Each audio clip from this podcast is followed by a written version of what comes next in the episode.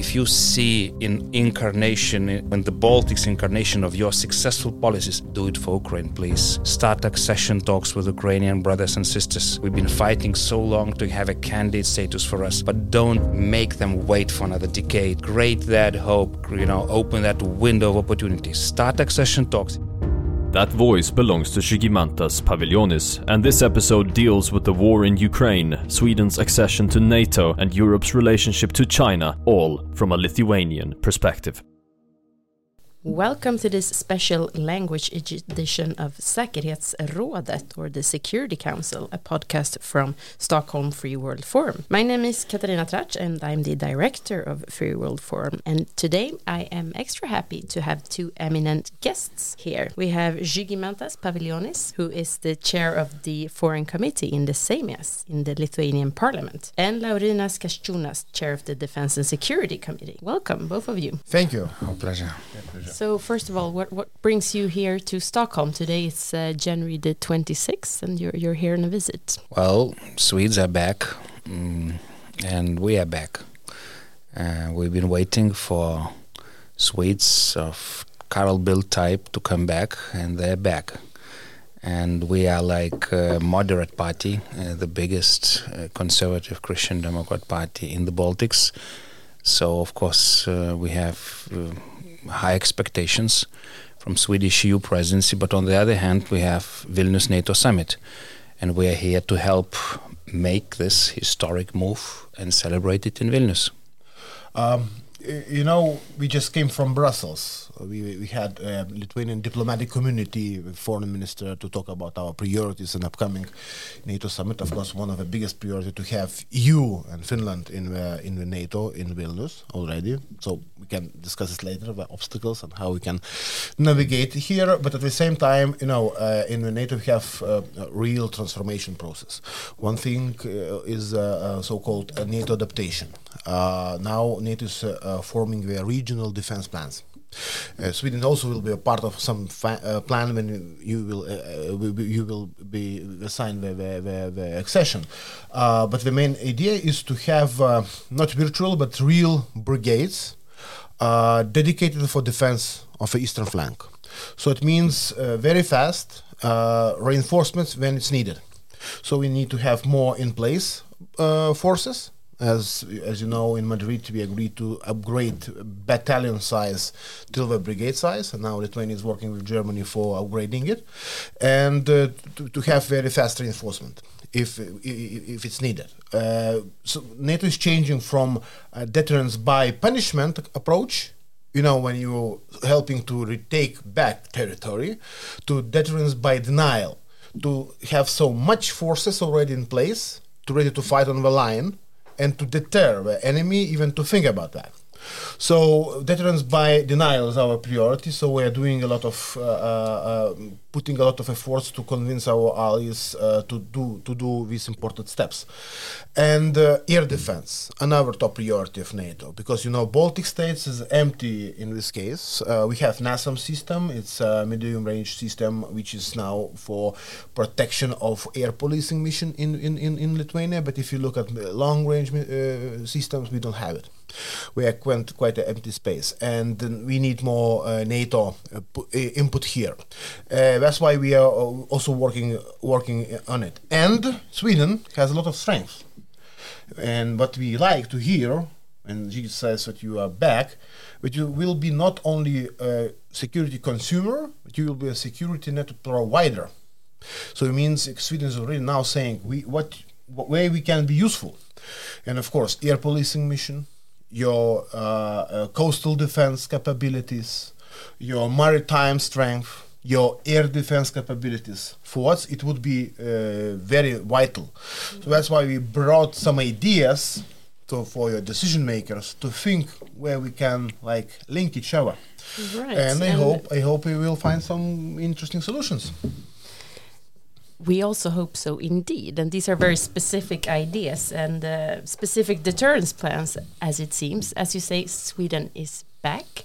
Um, or Sweden. I mean, you can ask where, where it was before, so to say, if it's back or if it's new in the game. A certain thing is that the NATO application is new. However, you're coming here in a rather complicated period. It's uh, like I mentioned, it's January 26, 2023, when we're recording this, and uh, Sweden is in the midst of a diplomatic crisis caused by the a burning of the Quran by a Swedish right-wing extremist, um, Rasmus Paludan, a Swedish-Danish uh, right-wing extremist, and you're landing in the situation a couple of days after President Erdogan of Turkey has said that Sweden cannot accept Turkey's approval.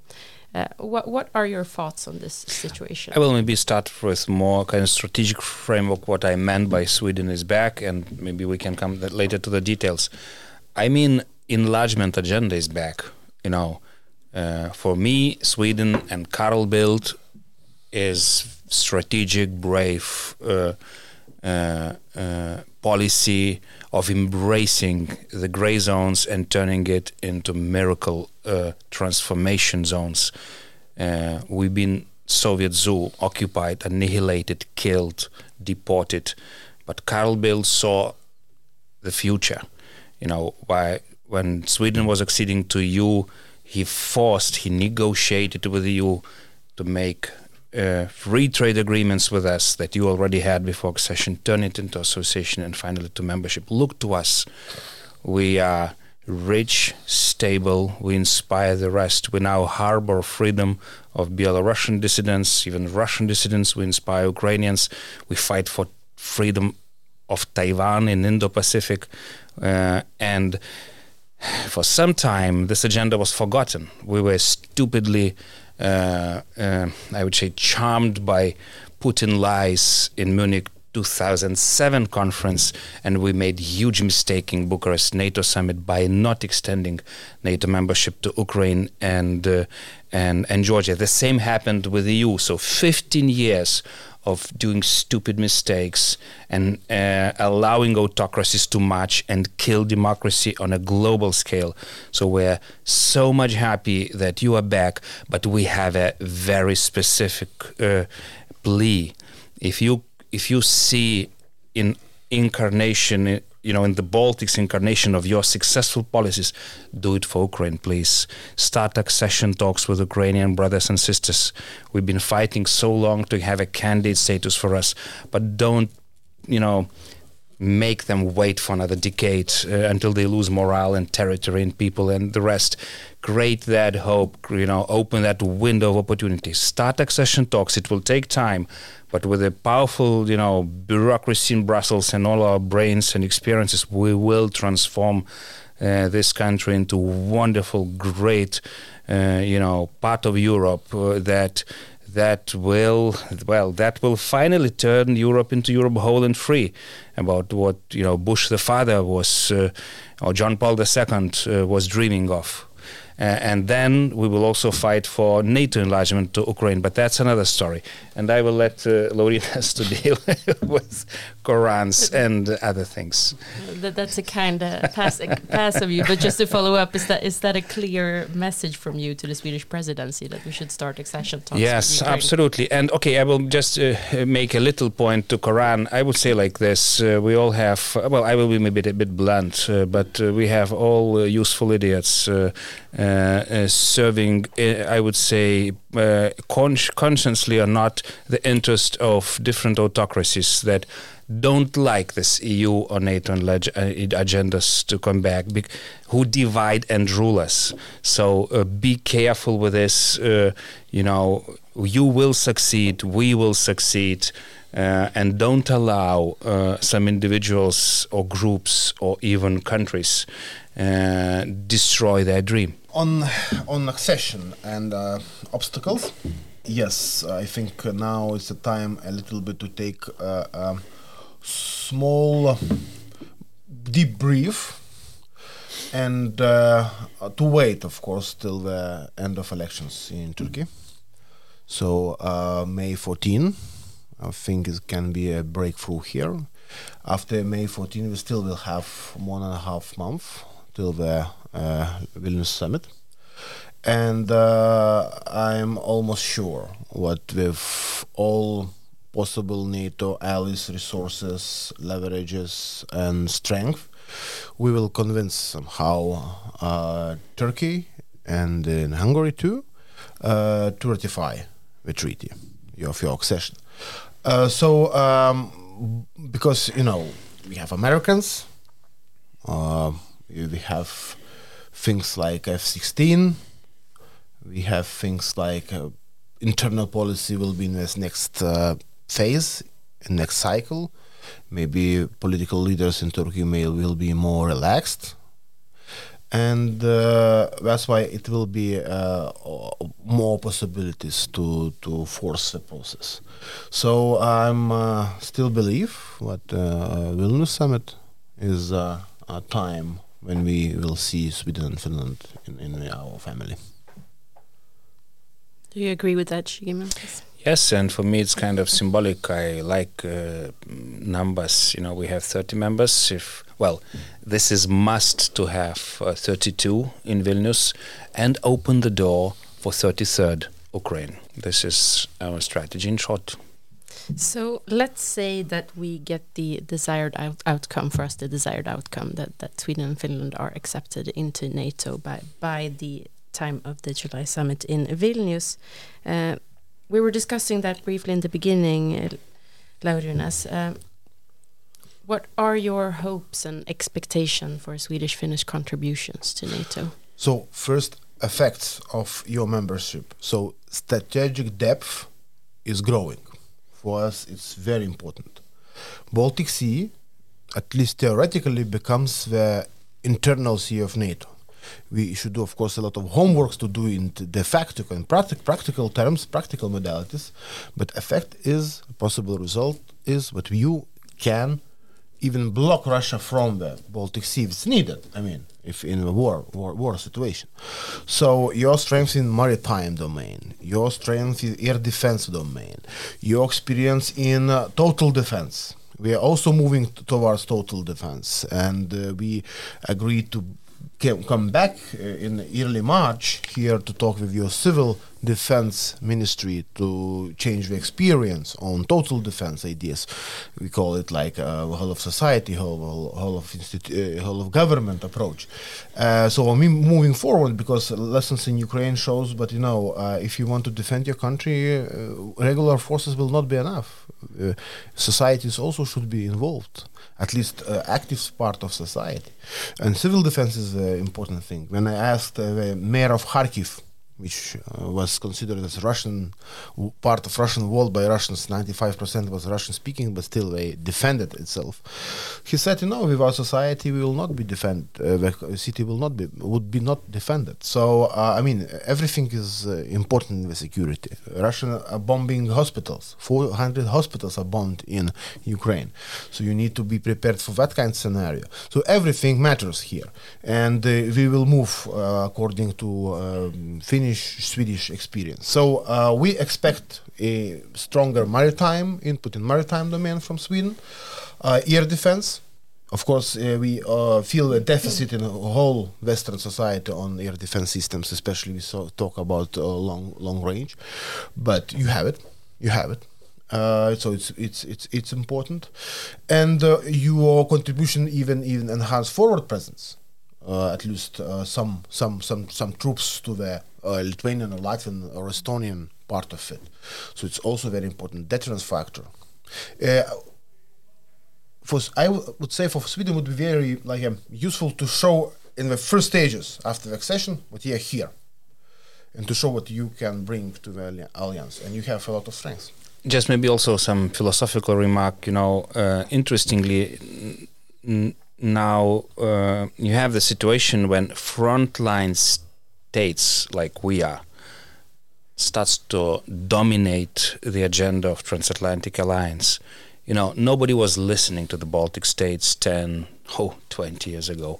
Even 30 years ago we remember big letters from big capitals saying stay with gorbachev say the soviets. So he will save your souls. Never ever. We revolted we defeated the red army like Poles did with Solidarność. Uh, uh, but no, you know, now it's time when they start listening. When von der Leyen is saying, "Listen to the Baltics," then everybody is saying, "Oh my, me, they, they were right."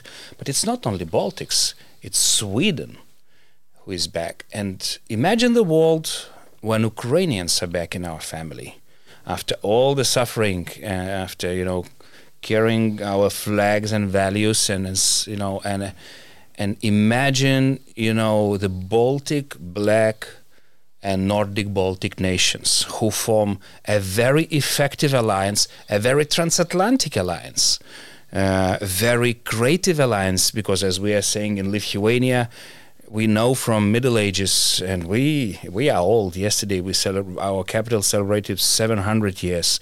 We know from Middle Ages, if you're average, you die. You have to be perfect to survive. This is the ex- you know existential survival mentality, Israeli mentality, if you want. And now those states, you know, start to dominate the politics. Imagine the European Union uh, it can bring. Even look to little Lithuania. We are the first country, I guess, to build a chips factory together with uh, Taiwanese.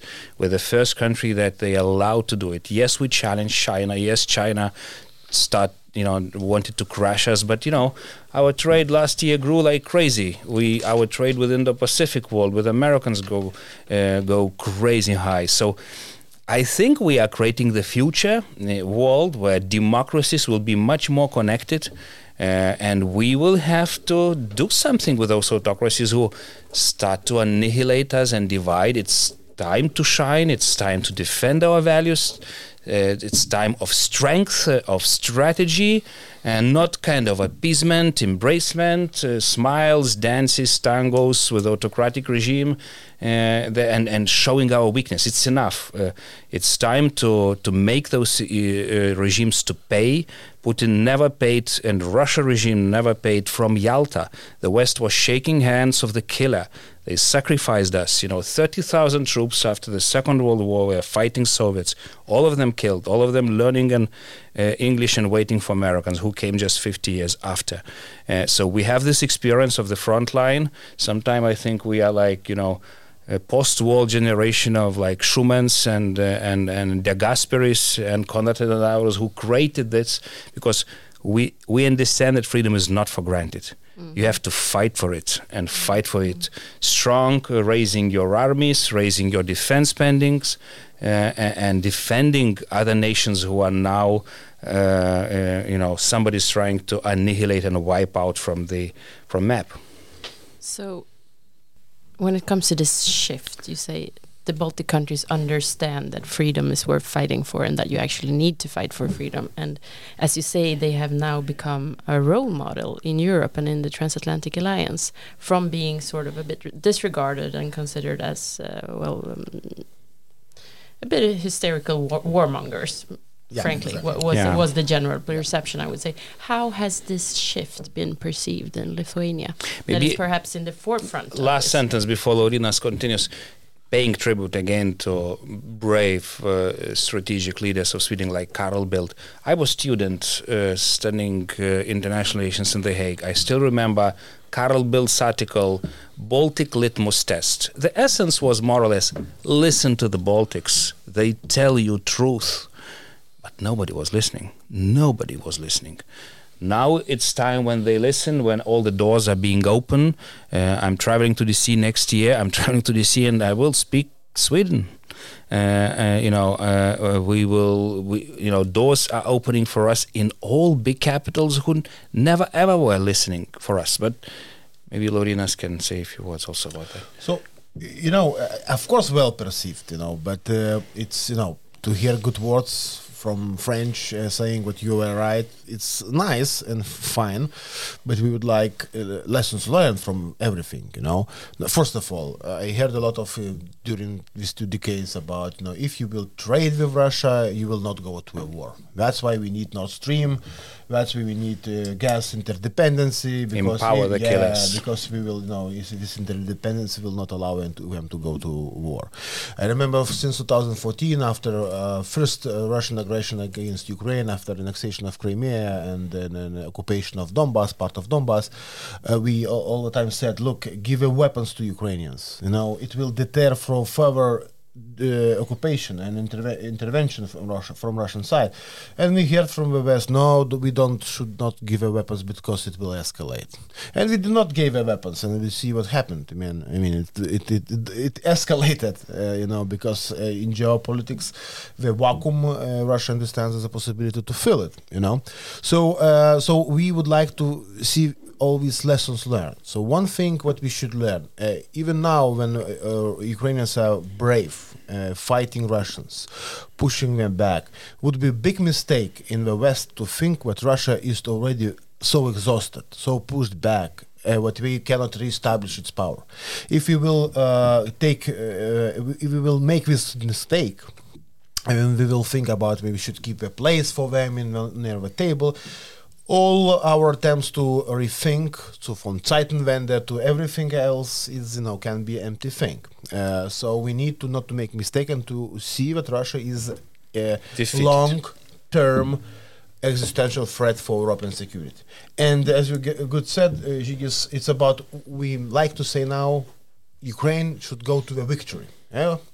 Uh, uh, because uh, it changed the discourses from the West to help, to struggle, make Russia struggle, you know, to help to defend itself, and now it's to make a Ukrainian victory. What does it mean? But what does it mean victory? And uh, it's not so easy. Of course, officially, uh, everybody will say, of course, the establishment of territorial integrity. But you know, when you start to think about if Ukrainians will start to take back the Crimea, uh, will it be for all of Western community said, okay, let's do it. I hope so. I would like to see that because it's it's a victory to take back what depend uh, what is belong to Ukraine. But it will will be much more problematic than than we can imagine. And this is a good lit- litmus test that shows that the West is not ready to defeat the regime in Russia. Like our good old friend Senator McCain was saying, who is Russia? It's a gasoline station run by mafia, by killers. So the civilized West is not ready to defeat mafia, like we defeated Hitler, what's the difference? Tell me today if uh, we are ready to save the face or save the place. So in five, six years, Vilnius that celebrated yesterday's 700 years will look like Bucha. And you will all visit us and, you know, search for our graves. But this is kind of stupid.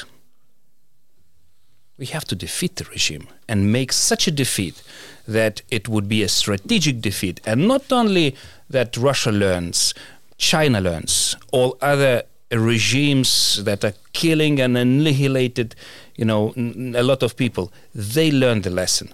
This is what I read, like Americans writing national security strategy. Russia should, should suffer strategic defeat.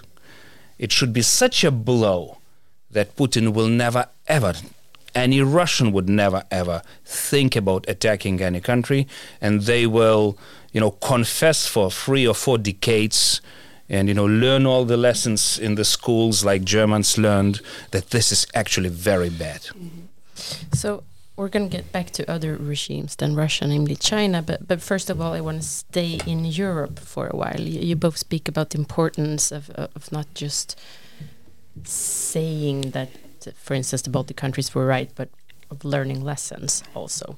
And this week, it's very it's a very intense week in security policy. Uh, finally, I would say, Germany greenlighted the Leopard tanks being sent by Germany, but also being sent by other countries. Uh, first and foremost, Poland, but, but also Finland has has expressed uh, a desire to do so to Ukraine. Uh, what are your reactions to this? How important is this decision? It's very important because, of course, it will depend how much tanks will come. Because you know, you can officially uh, say with 15, 20. You know, you need more and more. So, uh, but it is a power. It's a power which helps uh, Ukraine to counter attack, to organize a counter attack at, at least at one or several directions.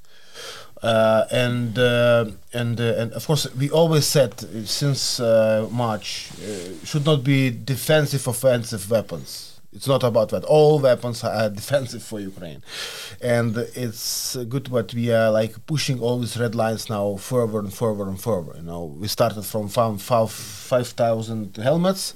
You remember? Now we have leopards. You know, big big progress, I would say, and we should continue, because the war can be very long-standing.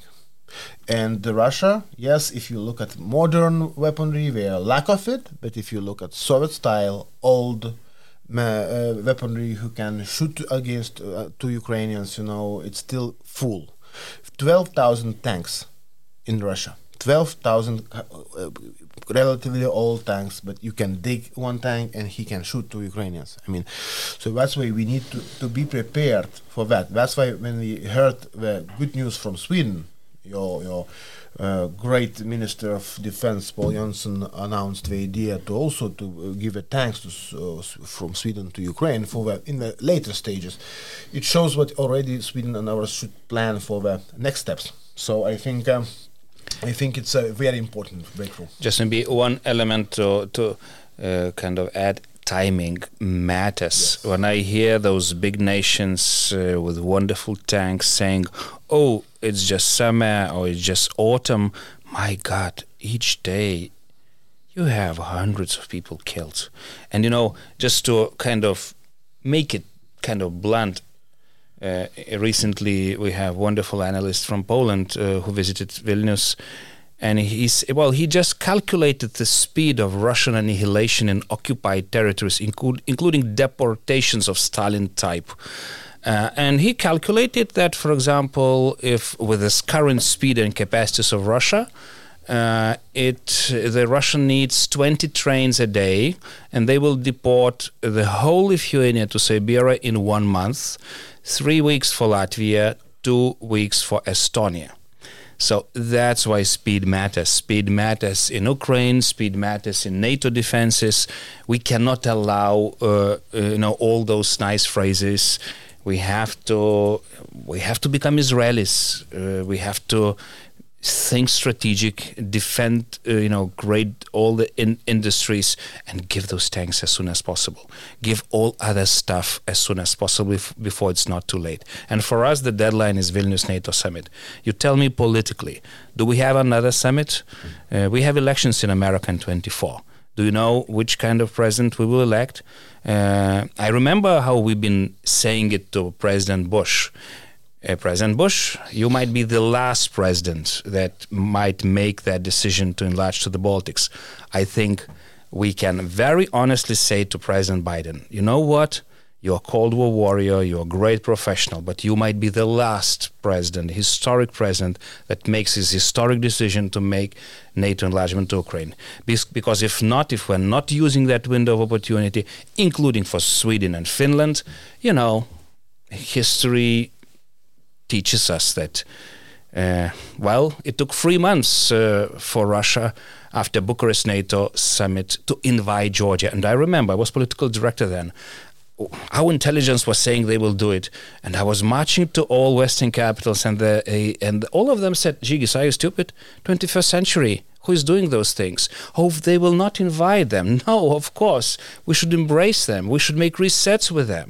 They are so good. We will civilize them so stupid and naive. So it's time to get a bit wiser, and I think with uh, with those you know old good Swedes back, you know EU will will be much wiser, and we will make all those decisions, including on the start of accession talks uh, uh, uh, uh with Ukraine. All right. So time is of the essence here. Um, has that understanding sinking in in the EU? I mean, it took almost a year for this week's decision to deliver the Leopard tanks. Do you think that the understanding is here now? It looks like sometimes, but you need some big strategy in Ukraine, and the decisions is, uh, is coming to reality. The, the the the big big house in in Dnipro, you know, and it's moral moral like obligation to do something, but it's a okay what we, it's happening i mean what we are continuing and going progressing but we cannot avoid we cannot avoid it giving everything right now as possible you know and then to avoid what kind of strike of rockets and so on you know so it's a, it's a little bit like reactive not forming but reactive uh, it would like to see a little bit in different way. Uh, Laurynas remembers uh, uh, two weeks ago uh, in uh, in Lithuania we had American senator uh, who was the first to visit Kiev despite uh, uh, uh, negative uh, recommendations of State Department, and he said it to us uh, to those who are afraid of giving everything now. The escalation of non by non giving them now it could lead to the serious NATO war with Russia. This is an escalation. You know, then you imagine what will happen. So why don't we give now everything to Ukraine? Exactly to avoid this scenario of NATO formally going into the war with Russia. Do we really want this? Because Ukrainians are now, you know, creating the peace and stability for every of us. This is the best way to do it because this is the only army on this planet that can defeat according to official NATO doctrine, the most direct and dangerous enemy of NATO. So give them everything now. In Sweden, uh, at least in some parts of society, uh, we like to see ourselves as a moral superpower. But when push comes to shoves, uh, when it comes to defending the values of freedom, Lithuania has really been the one sort of at the forefront. Give, uh, at least, I mean, historically, but also especially perhaps in the past few years. Uh, you also have experience with another autocratic society, another autocratic superpower, in fact, China. Uh, can you tell me uh, and the viewers or listeners, sorry, a bit more about this? You know, um, as I said, I just came from Taiwan uh, uh, two weeks ago and uh, uh, meeting the president prime minister, foreign minister, and said, you know, we have anti-communist DNA in our hearts. you know. That's why uh, we are together, you know, in many in many cases. Uh, so one thing is a value-based policy. Uh, another thing is, of course, what Lithuania always behave as quite resilient from China influence. You know, we created very strong investment screening mechanism. So when China tried to access, get access to our port, to our telecommunication infrastructure, we are, we are blocking them. For example, we tried to get to the port, at least part of it, we, we are blocked. We blocked. Uh, 5G, we blocked Huawei from 5G. Our committee was leading it uh, one year ago. So we was not dependent too much on, of them. We had some trade, on some agricultural field or somewhere else, but we were not too much dependent if comparing with other European Union countries. When you, there are countries which sold the ports to, to Chinese uh, state companies, some uh, southern countries uh, sold elec- electricity grids to machine to, industries. To, yes, and so on. It, and it, it makes the influence on the policy of these countries. It's already make an impact. So we avoided it. I think we made a good, good, uh, good, uh, good decisions. But we, we had quite free hands free mm. hands to do that. Yes, they tried to push us. Yes. They uh, punish us. They try, they blocked import, export. They harassed the investors, multinational investors, to uh, reject Lithuanian element in their chains. You know, so if you have something Lithuanian in your chain, just you will be blocked from China market. But we survived. But of course, we need like to show a success story because you need if you survive such kind of pressure, you can be a role model for others.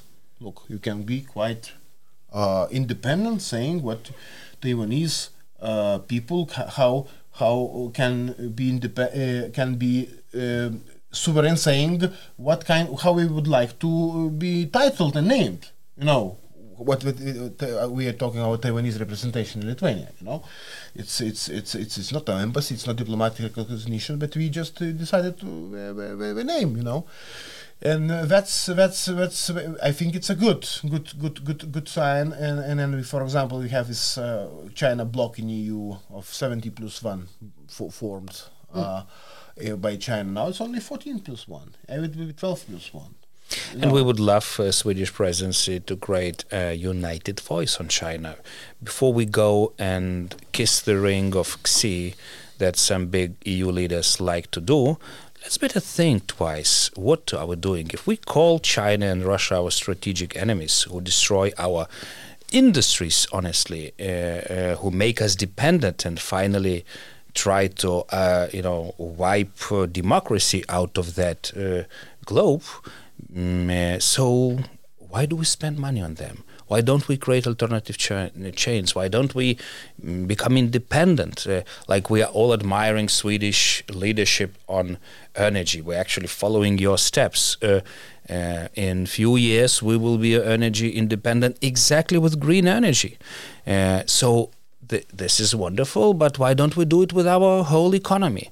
Because okay, now the world is decoupling from China. What if tomorrow morning, tomorrow morning, you you know switch on the TV and see some accident in Taiwan Straits. What will happen with your industry? What will happen with German industry? What will happen with Italian industry?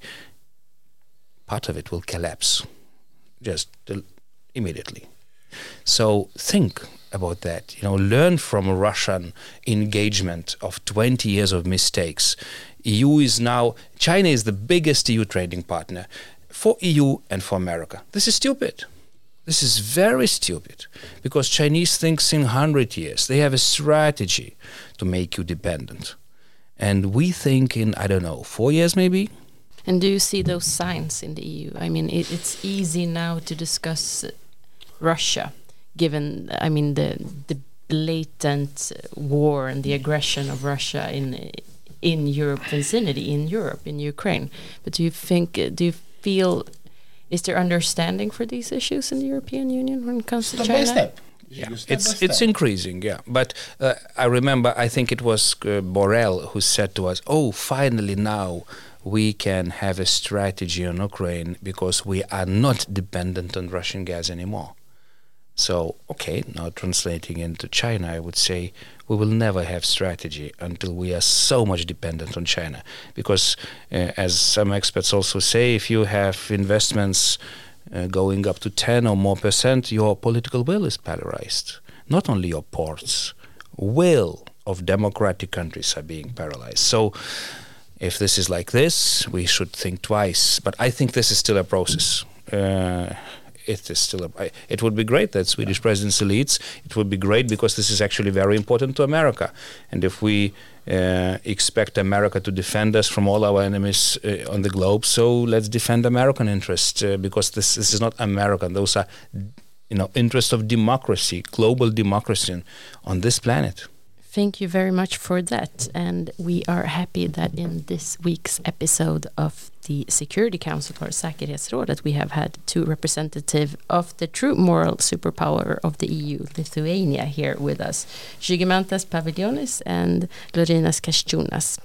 Thank you very much for Thank coming you. here. Thank you so much. My name is Katarina Tracz, and I'm the director of Stockholm Free World Forum. And behind the scenes, we have our technician Dino Ekdal, who has made the production of this podcast possible. And please remember, freedom is always worth defending. Resistance will never cease. And if you don't believe me, ask the Lithuanians.